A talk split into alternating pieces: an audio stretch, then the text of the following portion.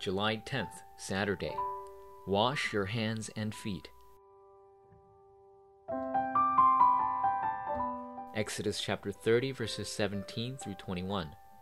Whenever they enter the tent of meeting, they shall wash with water, so that they will not die.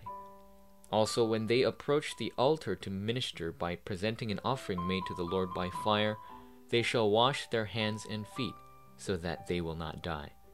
This is to be a lasting ordinance for Aaron and his descendants for the generations to come. When starting something, the thoughts and goal you have in mind as you begin are critical.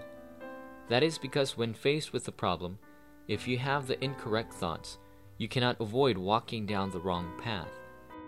Before starting your day, examine what thoughts are lingering in your head, and if the mystery of God being with you exists when you start and finish. This is the greatest blessing and mystery that a Christian must enjoy. Washing your hands and feet in the basin prepared in the temple holds an important spiritual meaning. Number 1. Before receiving answers, reflect on yourself.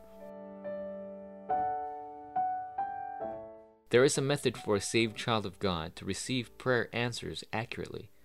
First, reflect on yourself and come clean before going to the Holy God. Look for aspects of yourself that are inadequate to take before God and enter into the gospel. All my weaknesses and unbelief and laziness must be laid down before God. This is confirming with faith that Christ's power of the cross is for me.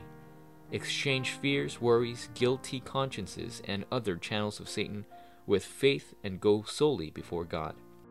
God says to wash your hands and feet in the basin before coming before Him. Only the power of the blood of Jesus Christ can cleanse us. Grabbing hold of the gospel is God giving us the blessing of victory. Number two, true answer, word fulfillment. When pressed by many conflicts and difficult interpersonal relationships and various problems, those who received the blessing to build the most holy place with only faith were the Christians. The most holy place is a place of experiencing God's presence. The greatest answer is realizing God's plan in the Word and enjoying Christ. The solution to the countless problems that stem from not knowing the gospel is only Christ. God's plan for us is complete and perfect. God's plan for his people is complete and perfect. The Jordan will split and Jericho will crumble whenever the Ark of the Covenant goes. The message to wash your hands and feet before giving worship is God's word to taste God's grace centered on the tabernacle. Therein lies your life of experiencing word fulfillment. Knowing this spiritual truth is the greatest blessing. Forum topic Wash your hands and feet in the spiritual basin and restore the blessing of worship.